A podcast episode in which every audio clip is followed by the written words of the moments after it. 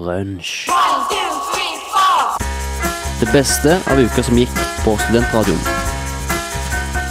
Brunsj.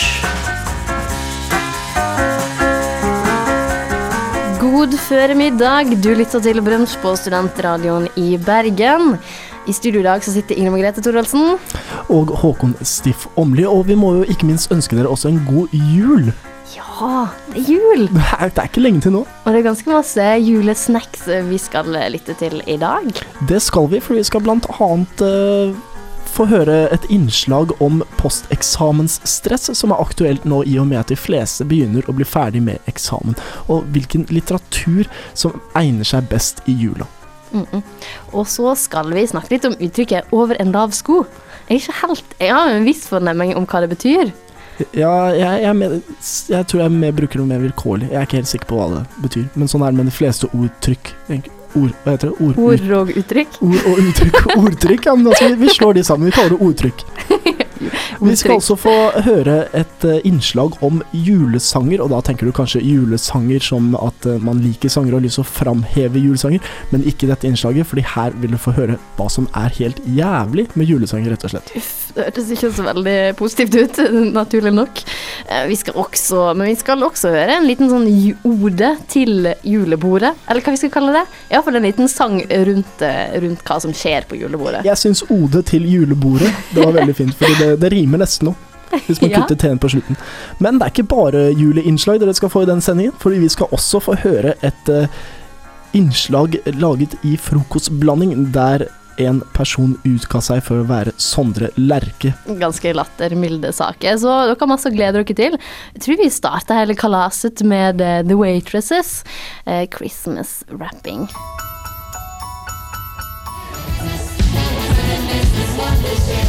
The Waitresses synger Christmas Wrapping, og vi driver og pakker inn litt eh, julegaver fra SRIB til deg, kjære lytter, her i studioet vårt.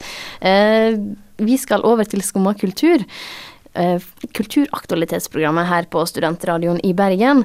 Og deres skummelommis Fredrik Longva han er ferdig med eksamen og har oppdaga en herlig forfatter som han, eh, som han bruker for å kvitte seg med det her eh, posteksamensstresset og liksom manglende leselysten som oppstår.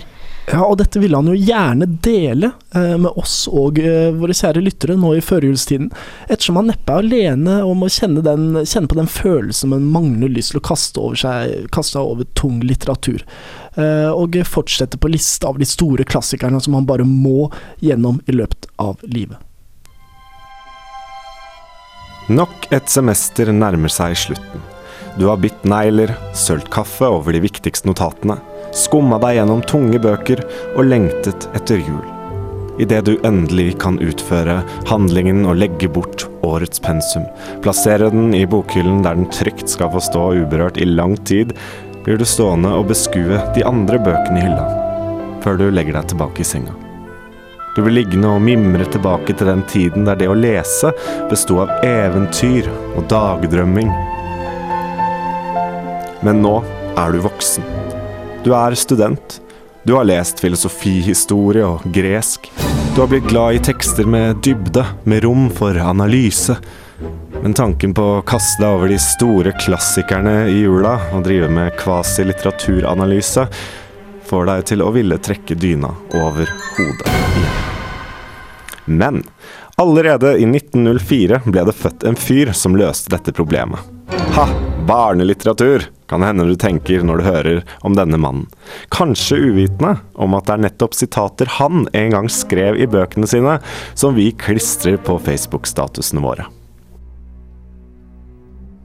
Be who you are and say what you feel, because those who mind don't matter, and those who matter don't mind.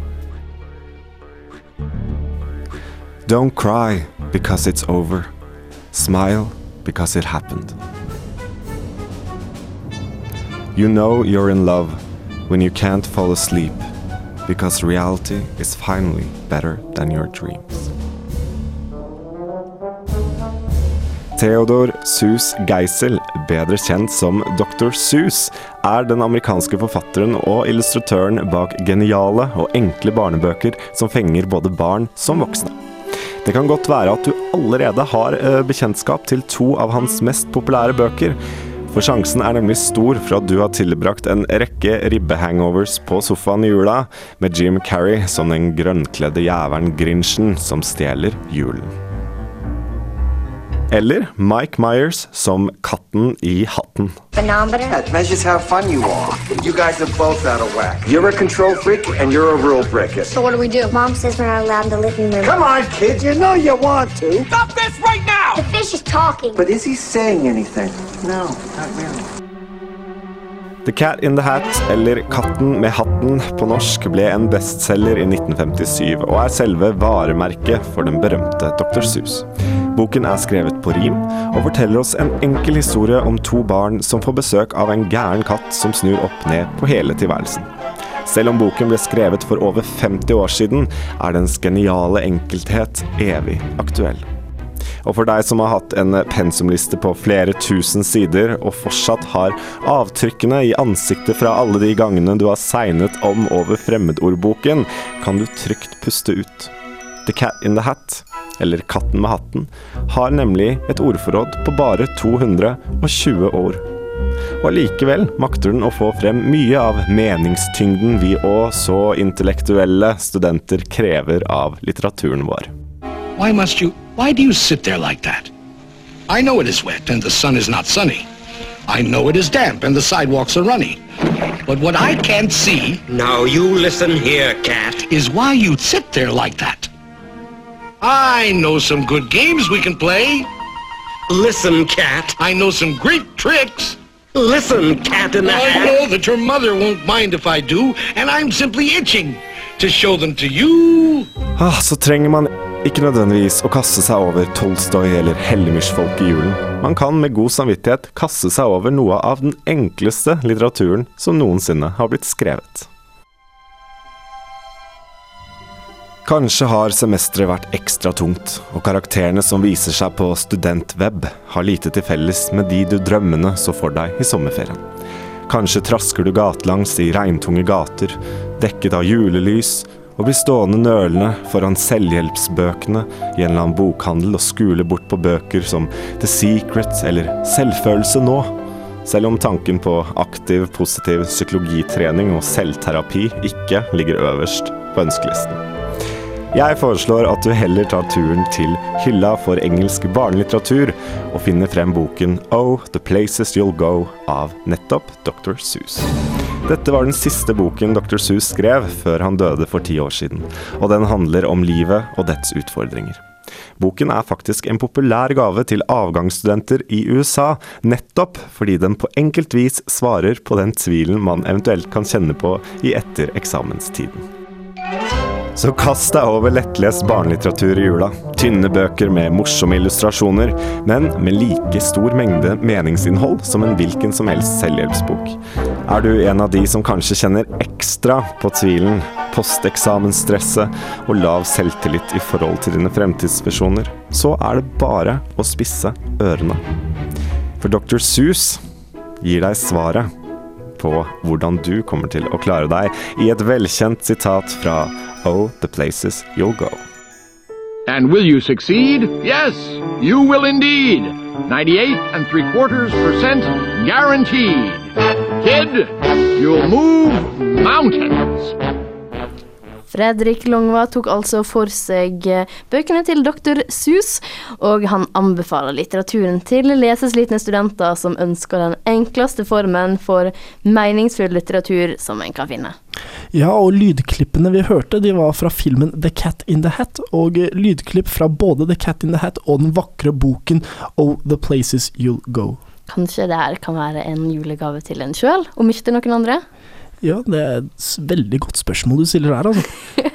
Fredrik Lungva uh, syns alle utslitte studenter burde unne seg en liten kafétur med Dr. Saus. Saus. Dr. Saus. Julesaus. Saus. Dr. Saus uansett. Og eh, ja, vi får bevege oss litt videre fra litteratur til litt music. Ja, for vi kan jo høre på Carla Thomas med låta G-Wiz It's, it's Christmas. It's Christmas.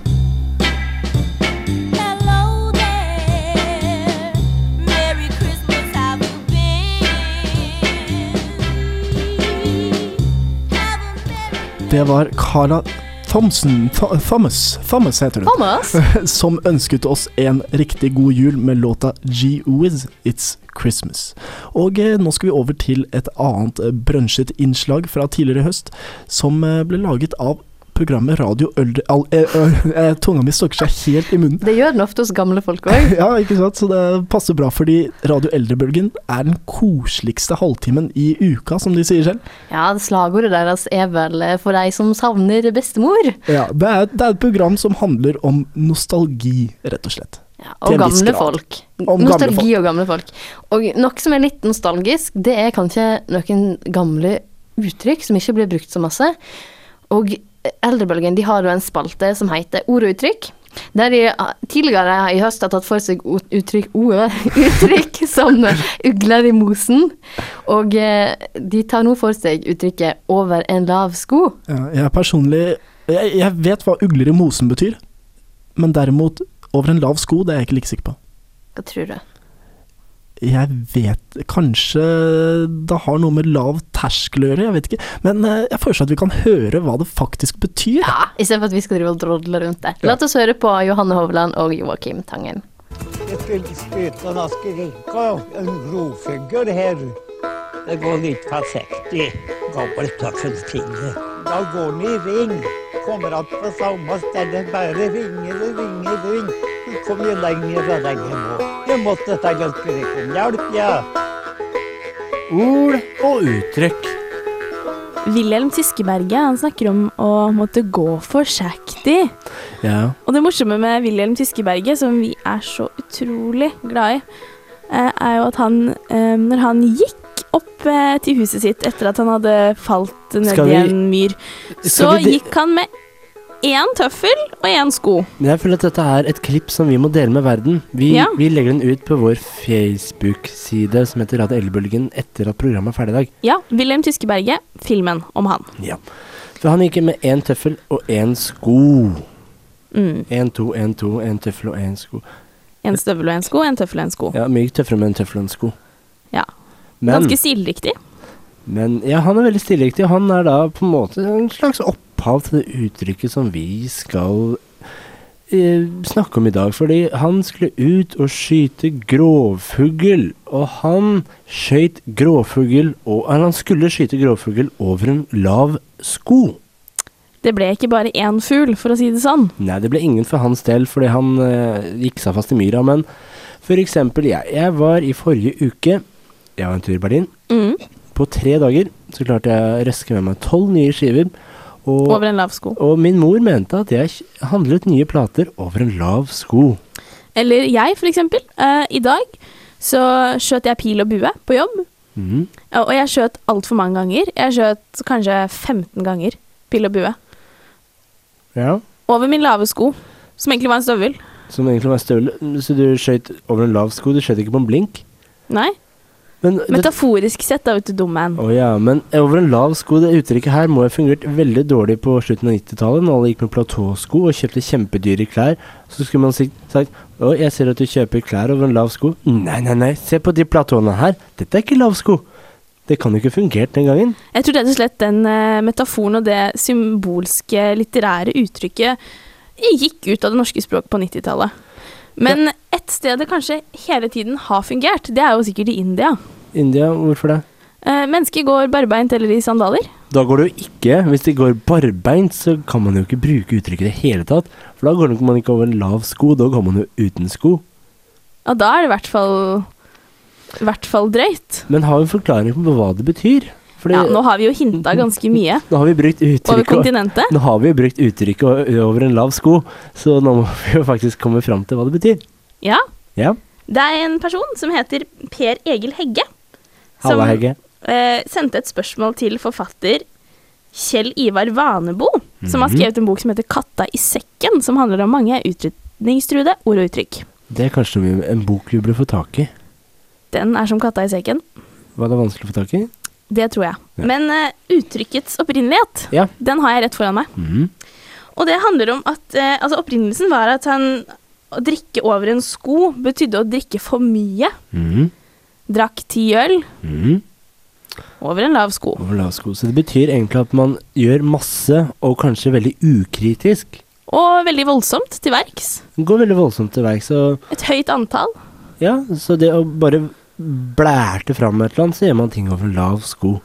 Så hvis du har tatt deg to flasker vodka og går på byen nå, så du drikker over lav sko, og så kanskje rota med 15 personer over lav sko, tatt med tre av de personene hjem, og våkna med de dagen etter. Spist eh, tolv kebab over en lav sko. Ja. Alt har du gjort ukritisk, og du har gjort i store, store mengder. I stort manntall. I stort manntall. Kan man si manntall? Hva er manntall? Det er, Er det antall eh, mennesker. Jeg husker det bare fra julefortellingen om kong Augustus og Fordi Jesus og gjengen. for alle skulle gjengen. skrives inn i manntall. Ja. Ble det skrevet inn i manntall? Åssen gjør man det? Bare teller man sånn én strek, ja, en til, strek, ja, en til, strek, og sånn fortsetter det? Nei, skal jeg si deg hva man gjør, Joakim? Yeah. Man tar et absolutt overslag, og man, man gjetter altfor mange som bor i landet, Mhm. sånn at landet skal få enda mer penger. Mhm. Og det, det er over en lav sko. Over lav sko. Der fikk vi svaret på det, Håkon. Ja, det var deilig. Det var en stor byrde fra mine skuldre som eh, ble lettet nå. Nå har, har du fun facts du kan, eh, du kan uh, briljere med på julefestene? Fem minutter med fun facts, faktisk. Ja. Eh, Det var eh, Radio Eldrebølgen sitt innslag om ord og uttrykk der denne, dette uttrykket de tok for seg nå, var over en lav sko. Eh, Vi hørte Joakim Tangen og Johanne Hovland som diskuterte dette uttrykket. Yes. Og Radio Eldrebølgen de fortsetter etter jul, så det er bare å høre på på fredager til den koseligste halvtimen på SRIB. Nå skal vi over til en annen koselig mann, Frankie Boy. Ja, eller Frank Sinatra, som kanskje de fleste kjenner ham som. Ja, Og den vi skal høre, er Om en annen koselig mann, Santa Claus. Ja, han er hyggelig. You better watch out. You better not cry. Better not pout. I'm telling you Og jeg må ta med det siste der. Nå bare så jeg for meg deg kore i bakgrunnen av Frank Sinatra. Åh, det hadde gjort seg. Er Ikke dårlig det å kunne skue på baken hans eh, hver konsert. Nei, så visste jeg ikke. Eh, Frank Sinatra han er jo kanskje ikke regna som så veldig harry innenfor de fleste kretser, for å ta en liten brå overgang. Men noen som er harry til det fulle, det er programmet Blodharry. Ja, og ikke minst Olav Aasen. Ja. Ja, jeg vet ikke om Olav Aasen kommer til å rive av med hodet nå, men uh, vi får se. De ber litt om det med programtittelen, vil jeg si. Ja, men uh, i hvert fall tidligere denne måneden så stilte hundrevis av mennesker seg i kø utenfor rådhuset fra klokka fem om morgenen, kan du tenke deg det? Oh, Kaldt og jævlig. Uh, og de sto der for å anskaffe seg billetter til årets julehøydepunkt for mange, nemlig konserten der Sølvguttene synger julen inn. Det er ganske god innsats, det må vi legge påstå. Men ikke alle er like villige til å stå oppreist i timevis for å høre noen eh, små gutter, eh, guttemennesker, eller hva vi skal kalle det, eh, synge gamle og kjære julesanger. Og en av disse her er Olav Aasen Haugstier. Og i dette blodharry-innslaget så skal du få høre akkurat hvorfor. Glade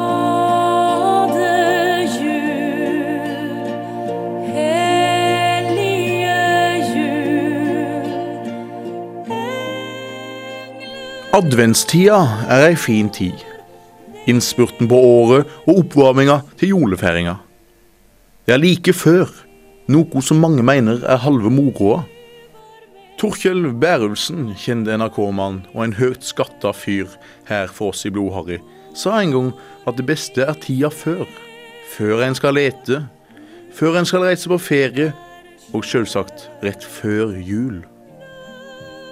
Men det er noe som ødelegger dette. Julekonsertene. Jeg snakker selvsagt ikke om alle former for konserter som er tilknyttet jola, men de typiske sletne og avdanka artistene som livnærer seg på å reise strand og land rundt for å synge de samme sangene som vi alle synger rundt juletreet. Åsmund Nordstoga er ikke en av de. Han er original og kommer til gards med ukjent materiale som han synger på en særegen måte. Her kan for så vidt bror hans, Odd Nordstoga òg nevnes, men ikke hans tidligere julekonsertkumpan Sissel Kyrkjebø. Hun er i lag med Bettan Andreassen og Anita Skorgan dømmer på totalt karakterløse sangere som blir religiøse rett over natta hver eneste desember. Og lirer av seg 'Deilig er jorden', og 'Jeg er så glad hver julekveld' på høgst ordinært vis. Som tidligere nevnt, dette kunne vi like godt gjøre sjøl. Og en konsertopplevelse er det i alle fall ikke. Rein Alexander bør også nevnes. Fyren som tok over porno-Bart-trona til Jan Werner Danielsen når han rusla for noen år siden. Felles for de begge er at de kun eksisterer i den velkjente desembermåneden og kanskje litt i november. Dette er coverartister, og coverband funker som kjent kun hvis en er drita full. Og det er vel ikke planen når en gjeng i kyrkja i førjulstida. Og dette her er jo utvilsomt harry, men ikke på en god måte. Marianne Antonsen og René Andersen er skrekkeksempel på hvor platt og innholdsløst dette kan bli. Hanne Krogh er òg et kremeksempel på ei som ble kjent gjennom en julefilm for noen år siden, og siden har spilt på juletilknytninga si i hele sin karriere etter det. Både harryheten og jula kunne gjerne vært uten disse narrene.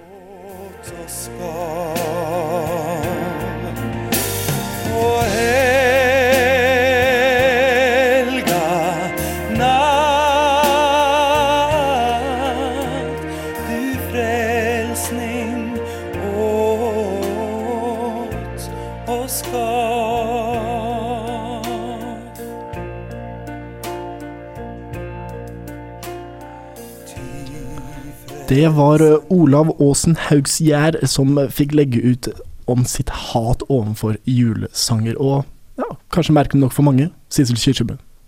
Det er litt farlig å si i Bergen, her vi befinner oss eh, for tida. Ja, vi får holde det innenfor Vi, dette. vi elsker Sissel Kyrkjebø, jeg og du, Håkon, gjør ikke det, det? er faktisk min favorittdame, om jeg må si det selv. Oi, jøss. Ikke verst. Uh, way to go. Sissel Kyrkjebø. Ja, men nå er ikke det jeg og du som skal eh, julesange synge her i studio, men derimot Skien Him. Og eh, de gir deg Have Yourself a Merry Little Christmas.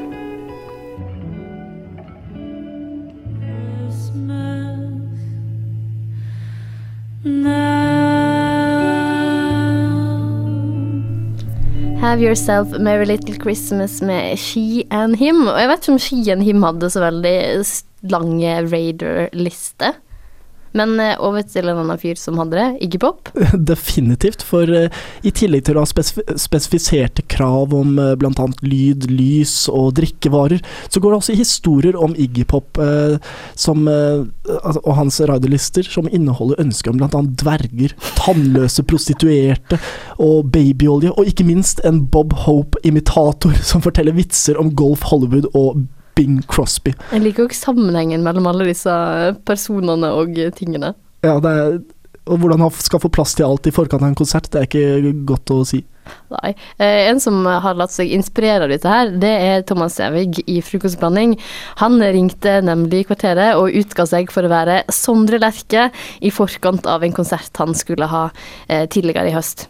Og han presenterte en noenlunde spesiell raiderliste som en verdig utfordrer til Iggy Pop, må vi kunne si. Og hans 18 sider lange radioliste. Hjelp og trøste. Og jeg er glad jeg ikke er ansvarlig for, eh, for Iggy Pop, eller hva jeg skal si. Ja, og eh, dere skal nå få høre hva Thomas eh, Sævig alias Sondre Lerche ønsker seg backstage. Hallo. Hallo. Hei, det er Sondre Lerche som ringer her. Jeg bare lurer på om dere har fått den raiderlisten fra til i morgen. Um, vi mottar, eh, mottar ikke de listene. Det er teknisketaten teknisk på huset som gjør. Um, jeg, skal, jeg har et uh, annet nummer her som uh, du kan ringe. Ok, Um, men hadde du hatt mulighet til å gi de, for jeg har litt dårlig tid, skjønner du, for jeg bare skulle gitt de noen forandringer på den listen. Hadde du hatt mulighet til å bare skrive det ned og gi det videre? Uh, ja, det kan jeg gjøre. Vent, litt, skal jeg finne noe å skrive med her. Eh, ja, kjør på. Skal vi se, da skal vi ha altså en sekspakning Tuborg øl. Ja. Eh, to poser potetgull. Smak. Eh, paprika. Ja. Og så et eh, plekter av eh, merket Sharkfin. Eh, ja, kommer den i flere stykker eller noe sånt, eller er det standard? Det er standard. Ok. Og så vil jeg gjerne ha eh, en eh, lutt lutt. Jeg skal ha, bruke en lutt på, på scenen. En gang til. En lutt. Jeg hører litt dårlig. Ja. Altså.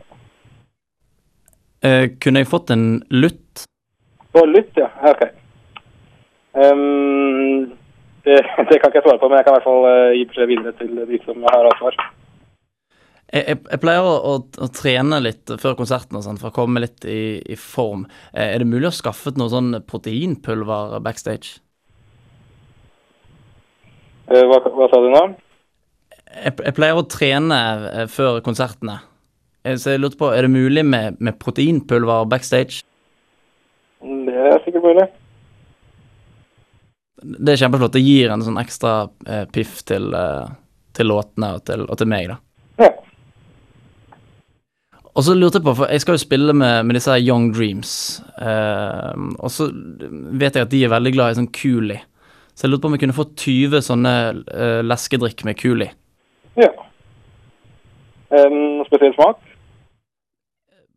Banan? Det vet jeg ikke om de har, men eh, Nei, men, men, men ta det de har. Jeg liker ganske allsidig sånn Cooley-messig.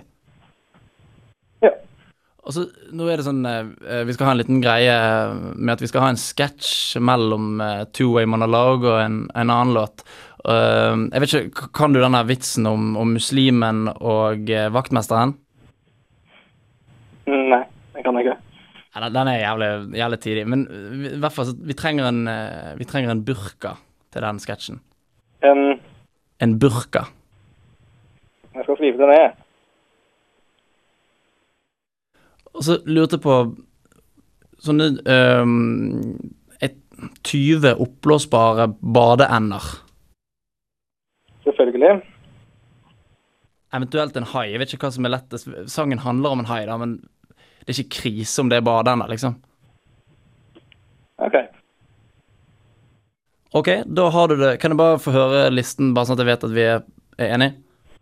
Um, en sixpack med Tuborg, eh, to poser med paprika, eh, sjakfinnplekter, lutt, eh, proteinpulver, eh, 20 kartonger med kuli, en burka og 20 badeender. Eventuelt en stor oppblåsbar hai.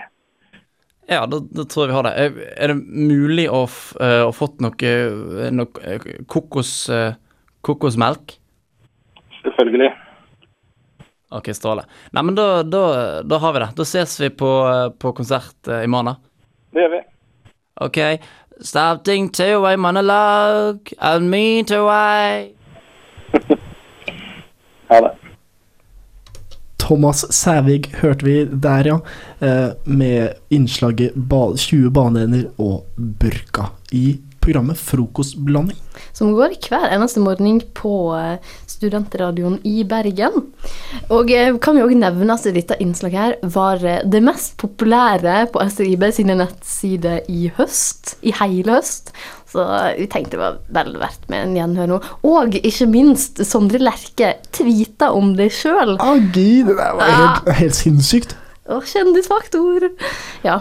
Og eh, ja. Ganske kult, i alle fall.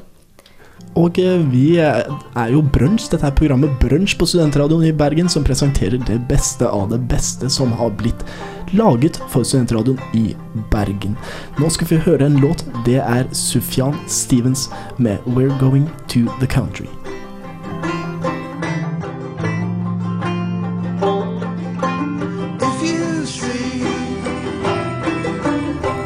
Og det er sikkert noen av dere der ute som også skal til the country, eller er på the hjemme på juleferie. Ja, vi òg er jo det snart, i alle fall. ok, uansett, over til kinosyndromet. Og eh, dere har snakka litt om hva er det som plager dere med bergenske kinogårder. Litt sånn aggresjon i førjulstida. Ja, eller når du sier dere, så er det i hvert fall Odd Arild Christensen som har eh, en del frustrasjon eh, når han sitter i kinosalen, som jeg har forstått. Det er folk som kaster popkorn veggimellom og hiver snus på gulvet og i stolseten. Og jeg skjønner han jo egentlig. Det er ikke veldig lekkert å sette seg i en sånn snusflekk eh, i, som er festet i stoffet. Hva er det blitt av den vanlige folkeskikken? Spør det- jeg bare. Det er ikke godt å si, den forsvant en gang på 1980-tallet, tror jeg. Men eh, nå skal vi i hvert fall få høre Odd sitt innslag om bergenske kinogårder.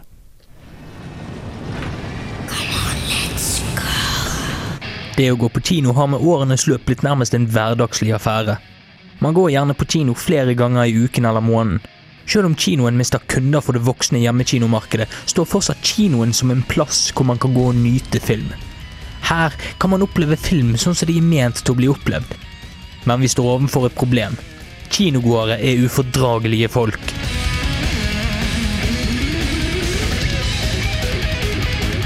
Gang på gang blir jeg overrasket over folks oppførsel på kino. Naiv som jeg er, tror jeg og forventer at folk skal oppføre seg når de skal ut blant andre kinogåere for å se de siste store filmene fra Hollywood. I stedet blir man møtt med foreldre som lar sine barn se filmer som de ikke er egnet til å se, samtidig som de prater høylytt under filmen. Alt dette skjer samtidig som de ivrig knar på chipsposene sine og prøver forgjeves å slurpe i seg de siste restene av en eller annen kullsyreholdig drikk. Når jeg går på kino, vil jeg oppleve filmen slik filmskaperne mente filmen skulle oppleves. Jeg er ikke interessert i ditt personlige kommentarspor til filmen. Slik oppførsel er hinsides av logikk. Som en privilegert person som har muligheten til å gå på pressevisninger av de nyeste filmene, tenker du kanskje at jeg er blitt bortskjemt. Jeg har mistet taket på realiteten. Det viser seg imidlertid at ikke engang pressen, de som i teorien skal være mest opptatt av en god filmopplevelse, tar hensyn til sine medpublikummere. På lik linje med vanlige seere tar de fram mobilen under visningen og lysforurenser alle andre, og tar ikke med seg søppelet sitt. People, but I love gatherings. Isn't it ironic? Dette vitner om manglende respekt. Ikke bare for filmen som man skal se, men også for ens medpublikummere. Etter å ha betalt en relativt stor sum for å se en film som filmskaperne ofte har brukt årevis på å lage, burde man kunne vise filmen den respekten den fortjener, og gi den sin fulle oppmerksomhet. Kanskje klarer du å være et ufordragelig menneske som bråker under filmen, og likevel nyte den. Men problemet er større enn deg sjøl. Det påvirker også de andre, og da vil deres opplevelse av filmen bli svekket fordi at du ikke klarer å holde deg sivilisert. Andre kunstformer blir behandlet med langt større respekt, så hvorfor ikke filmen?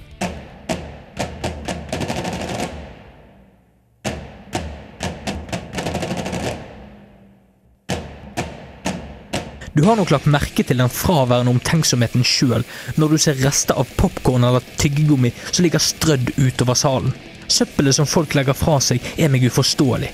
Man legger ikke fra seg masse søppel etter å ha vært på besøk hos en venn, og på lik linje burde man rydde opp etter seg når man er på kino. En rotete og skitten kinosal er med på å svekke filmopplevelsen for samtlige i salen, og ingen er tjent med det. Fra et mer praktisk perspektiv fører dette til økte renholdskostnader for kinoen, noe som selvsagt vil presse prisene oppover, noe de færreste er fornøyd med. Noe så enkelt som at folk legger fra seg snus som flekker og infiserer alt rundt seg, er en stor jobb å få vasket bort. Og verre blir det når en eller annen neandertaler kaster sin utsnuste snus på lerretet, som nå er misfarget og må skiftes til en betraktelig sum penger. I want you to go find a fucking soul! Så hva er løsningen på disse ilandsproblemene? Slik jeg ser det, er den eneste løsningen som vil virke, være en kulturendring hos de bergenske kinogårdene, hvor man tenker seg mer om og tar hensyn til sine medpublikummere. Om dette ikke skjer, vil mitt ønske om å få en privat kino øke, og jeg vil tro at dette er et ønske som andre vil dele med meg. Jeg vil være villig til å betale mer penger for å få en bedre kinoopplevelse uten alle de forstyrrende elementene. Så tenk deg om neste gang du går på kino. Ikke ødelegg filmen for andre. Aren't you ashamed of yourself? Oh my God! I gotta get some What's wrong with you? Det var Odd Arild Christensens innslag om bergenske kinogårde, og jeg stiller meg bak han 110% og sier til alle neandertalere der ute, vær så snill, slutt å kaste ut snus til snus på filmlerretet. Jeg tror det var hans ord. Det var sånn han Det ordla var sånn han ordla seg, Ja, og jeg òg er helt enig. Ja, så da er vi i hvert fall Semje tre. fra høgda. ja, og Kinosyndromet det er altså Studentradioen i Bergen sitt eh, kino- og filmprogram. Dere snakker ikke bare om Dere kommer med de nye anmeldelser av de nyeste filmene, men dere snakker òg om litt sånn andre filmsyndrom. Filmsyndromet, ja. Vi er inne på de fleste syndromer, bortsett fra de mentale. ja. Med mindre de blir omtalt på film, da. Det er sant. Det er sant. Men uh, vi skal uh, høre en låt, skal vi ikke det? Yes, Ella Fitzgerald med så enkelt og greit som The Christmas Song. Lurer på hva den handler om. Kanskje kan det være jul? Det mulig, det. Godt mulig. Du hører iallfall på Brunsj på studentradioen i Bergen med Håkon og Ingrid. Yay!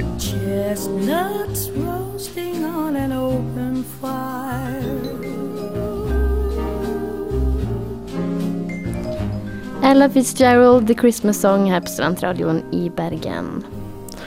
Du hører på Brunsj. Yes, det gjør du. En heldig gris! Vår julegave til deg. Eh, og vi skal nå over til eh, humorprogrammet her på Studentradioen i Bergen.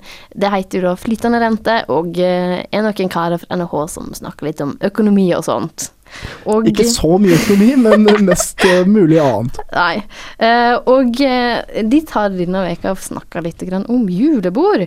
For det er jo snart jul, og innimellom alt som hører julen til, handling av gaver, gaver og pynting av hus, og, og svigerforeldre som må besøkes, og eksamener som skal gjennomføres, så skal man også få pressa inn disse her julebordene. Ja, og den angsten dagen derpå, det er nok noe de fleste kjenner til. Eksempel, eh, hvorfor surret jeg slipset rundt panna? Hvorfor drakk jeg opp sjefens siste whiskydråpe mens jeg fortalte ham at lederegenskapene hans tilsvarte en tilbakestående lemur? Uh, og i flytende rentes tilfelle, hvorfor, vår kjære allmektige herre, måtte jeg finne på å ligge med kollegaen med kols som har en grovere stemme enn Siv Jensen? Basse, sleng deg på med litt eh, krydder, da. Der, ja. Ja, Denne sangen heter iallfall Julebord. Jeg sitter her alene i en krok på julebord. Det har gått et år, jeg har mistet hår, lover ikke godt for neste vår. Jeg har jobba hardt, det har gått og bra, kanskje blir det A, jeg vet ikke hva, vi får jo egentlig ikke karakterer i det hele tatt, da. Jeg har mange kollegaer, men ingen venner, det er slik som hender når du bare sender e-post. Men ut fra det jeg har sett av folk, kanskje er det best sist sommerfest. Det var en pest, bra klokka er nesten elleve. Nå er det julebord igjen. Og det eneste jeg tenker på, er å komme meg hjem. Å faen, der kommer sjefen. Jaså, Ingolm, jeg ser de drikker. Ja, jeg har bare tatt et par øl, altså. Ja, for angående den rapporten. Eh, hvilken rapport? Ja, Leser du ikke mail da, Ingholm? Jo, jo, jeg gjør alltid det. Ja, det er bra. Jeg sendte det nå under forretten. Ja, Som det står i mailen, så skal den inn i morgen klokken ni på søndag, altså. Siden det ikke har svart ennå, så regner jeg med det er greit. Det holder med 30-40 sider, altså, Ingholm. Ikke skal ikke jobbe deg i jula heller. Godt å ha deg på laget, altså. Godt å ha deg. Kos deg videre i kveld. Pettersen! Pettersen, har du fått mail? Har du fått mail? Åh, alltid den der sjefen. Nå er det julebord igjen. Og det eneste jeg tenker på, er å komme meg hjem. Alle kontorer har jo ei gammal røy som ikke gjør noe produktivt, men som fortsatt jobber der. De kan ikke kvitte seg med henne, men for i Norge er det jo regler for sånt. Og der er hun. Hei, Bate. Hei.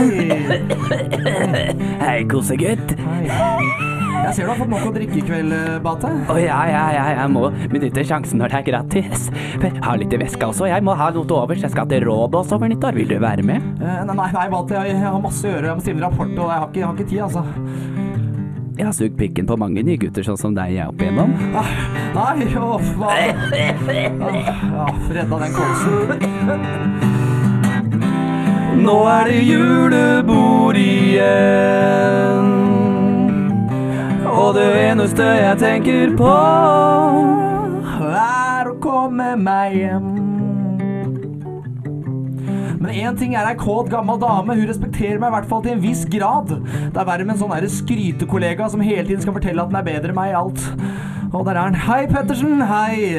Åh, kompis, sitter du her alene? Gjett hvor mange pils jeg har drukket? Nei, jeg vet ikke. Jeg er seks, kanskje? Nei, det er mer. Mye mer. Tolv, da? Nei, nei, det er ni. Working progress, vet du. Work, working progress blir nok tolv i løpet av den natta. Fikk du jævlig gode tilbakemeldinger av sjefen i stad? Ja, det så ut som han var ganske sur, egentlig. Å nei, nei, jeg tror ikke det. altså. Det, han sa det ikke rett ut. altså. Det er tydelig hvem som er eh, favoritten her.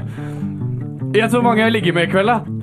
Jeg vet ikke. Nei, én. Working progress. Working progress. Du, hold deg unna Høre Kolsby-Beate, forresten. Hun er min. Ingård. Det går nå greit. Det går nå greit. Altså, Ja, ja, ja. Nå er det julebord igjen. Og det eneste jeg tenker på, er å komme meg hjem.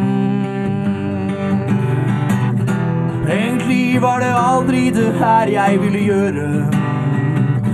Jeg skulle ta over verden, vinne folks hjerter med rockemusikk som Justin Bieber og reise jorda rundt. Ha en dame i hver havn, drikke sprit og spise hasj og bli et sexsymbol.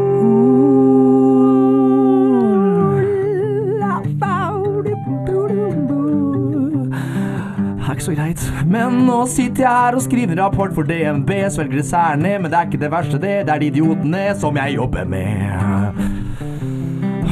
Ja, for drømmen den har gått i grus, har eget hus, er ikke avhengig av noe, heller ikke snus. Det ser ut til at jobben er mitt rus.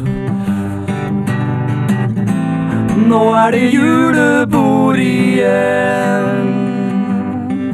Og det eneste jeg tenker på, er å komme meg hjem. Nå er det julebord igjen. Og det eneste jeg tenker på, er å komme meg hjem. Basse.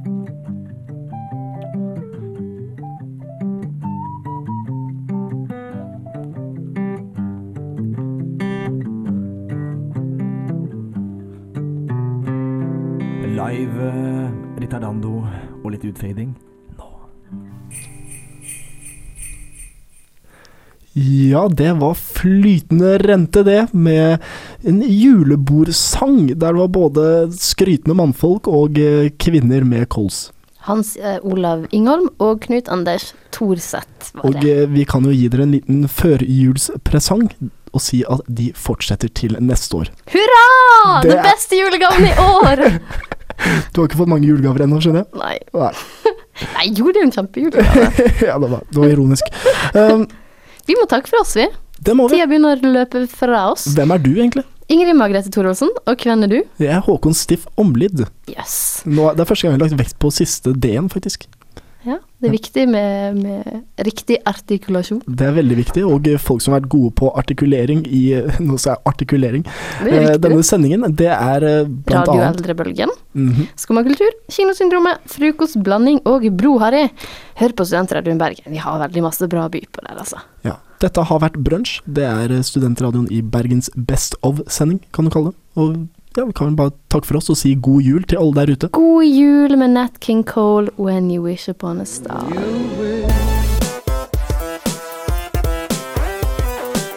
Du hører på en podkast fra Studentradioen i Bergen.